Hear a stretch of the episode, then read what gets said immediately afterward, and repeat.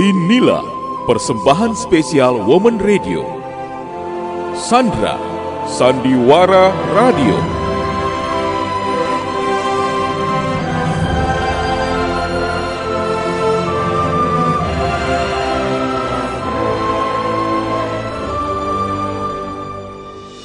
Sandiwara Radio kali ini dengan judul Siska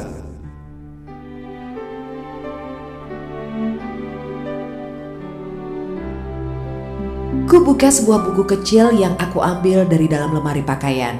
Kulihat angka nominal di buku itu hanya tinggal 8 juta rupiah. Entah dengan cara apa lagi aku harus mencari uang untuk menutupi hutang kepada rentenir. Kulihat jam menunjukkan pukul 12 siang. Biasanya jam segini Bang Binsar datang untuk menagih hutang. Benar saja, baru saja aku berucap dalam hati, tiba-tiba bel rumahku berbunyi.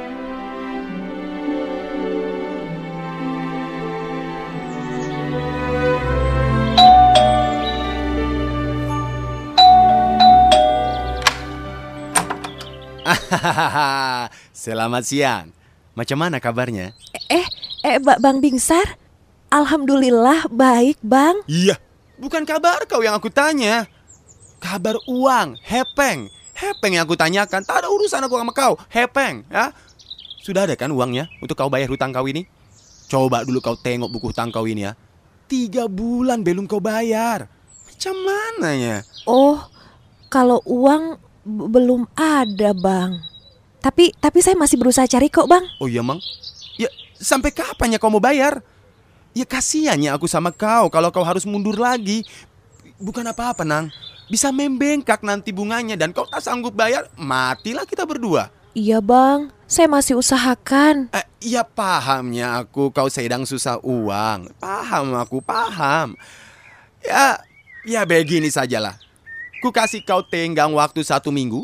Jatuh tempo satu minggu tak kau bayar juga ya. Ya terpaksa rumah, mobil, atau kalau perlu pot bunga yang di depan rumah kau itu yang berjejer macam prajurit. Ya harus kusita. Dan kita berbincang hangat di pengadilan. Macam mana? Iya, Bang, iya.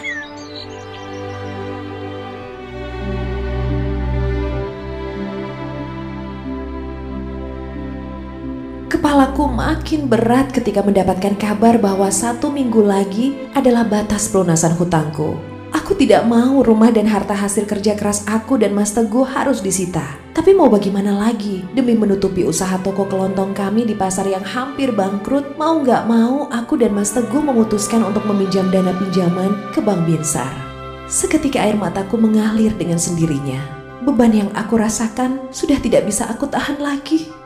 Segera aku hapus air mataku ketika anak tunggalku, Putri, menghampiriku.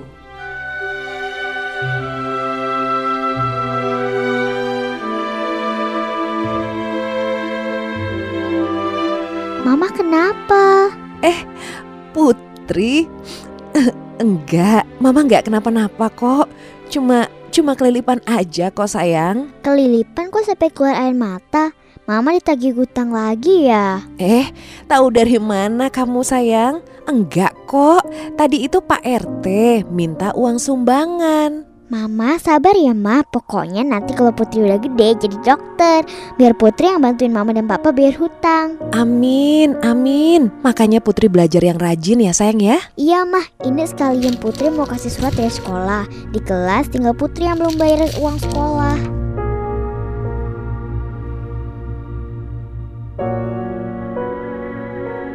Segera ku peluk tubuh anak semata wayangku itu.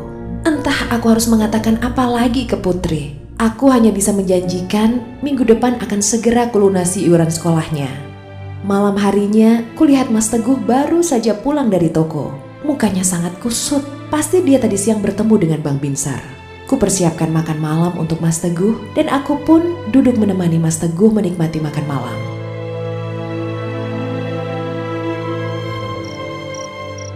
Gimana toko hari ini, Mas? Rame. Nggak gitu rame hari ini. Mungkin karena sudah banyak minimarket, makanya orang-orang lebih milih belanja di sana.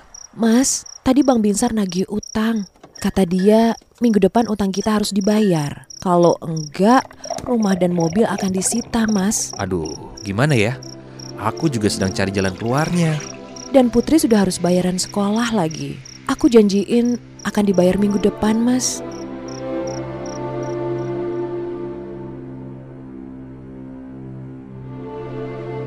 Mas Teguh hanya terdiam dan mencoba untuk tetap tenang.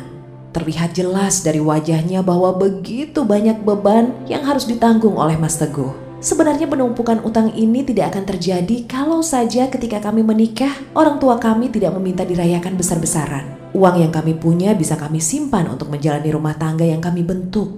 Ya, tapi mau gimana lagi? Nasi sudah menjadi bubur. Demi memenuhi permintaan orang tua kami, akhirnya kami menghabiskan tabungan yang aku dan Mas Teguh punya untuk acara sekali dalam seumur hidup itu. Sudah empat hari telah berlalu. Aku pun masih belum menemukan tanda-tanda untuk membayar hutang yang ada. Tapi sore itu, kulihat Mas Teguh pulang lebih awal dengan wajah yang sumringah.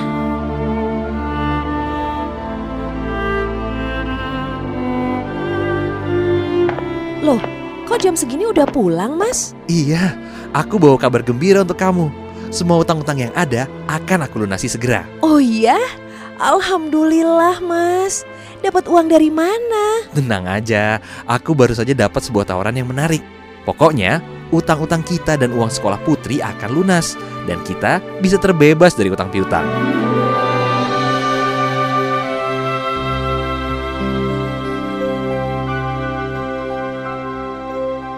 Kuat rasanya menahan rasa haru yang ada di dalam hatiku. Ingin rasanya bersujud syukur kepada Yang Maha Kuasa untuk apa yang telah diberikan kepada kami. Memang benar, setiap cobaan yang Tuhan berikan selalu memiliki jalan keluar dengan tujuan agar hambanya bisa lebih kuat, lebih dewasa, dan lebih bijak lagi dalam menjalani kehidupan. Hari ini, seluruh beban di dalam tubuhku menghilang dan kepalaku terasa sangat ringan. I see skies of blue, clouds of white, the bright blessed day, the dark sacred night, and I think to myself,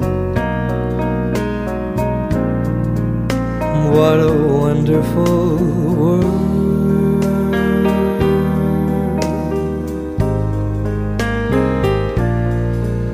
I see trees of green, red roses too. I see them bloom for me and you, and I think to myself, what a wonderful world.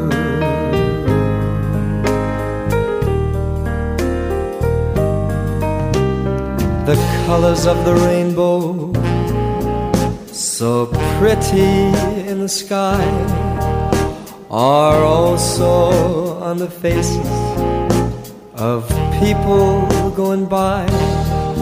I see friends shaking hands, saying, How do you do? They're really saying, I Keesokan paginya setelah Mas Teguh berangkat ke pasar untuk membuka toko dan Putri berangkat sekolah, segera aku bergegas untuk menjalani tugasku sebagai ibu rumah tangga. Selesai menyapu, ngepel, aku lanjutkan dengan mencuci pakaian. Ketika aku sedang memisahkan pakaian putih dengan yang berwarna, tiba-tiba saja aku menemukan secari kertas dari saku celana Mas Teguh. Ku baca dengan seksama secari kertas itu. Dan tiba-tiba Tiba-tiba tubuhku bergetar dan rasa marah pun muncul dalam diriku. Tak sabar rasanya untuk menanyakan penjelasan tentang surat yang aku temukan ini kepada Mas Teguh. Malam hari itu kami ribut dengan hebatnya walaupun Putri menyaksikan keributan kami.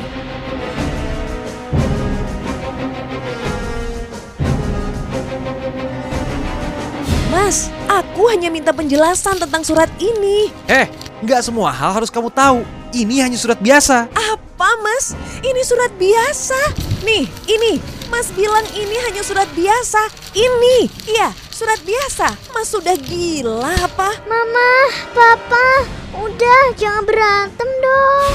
Tuh, lihat ulah kamu. Putri nangis melihat kita berantem. Toh aku lakuin ini semua untuk kamu, Putri, dan untuk keberlangsungan keluarga kita. Iya, tapi nggak seperti ini caranya, Mas. Lebih baik kita menggunakan cara-cara lain untuk membayar hutang-hutang kita, Mas. Apa? Cara lain?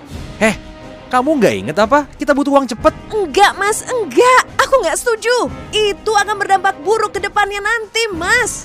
Aku nggak setuju. Sudahlah, walaupun kamu melarang aku dengan berbagai cara, tapi aku udah tanda tangan dan tetap melakukan operasi ini. Demi membayar semua hutang-hutang kita, aku rela kehilangan ginjalku.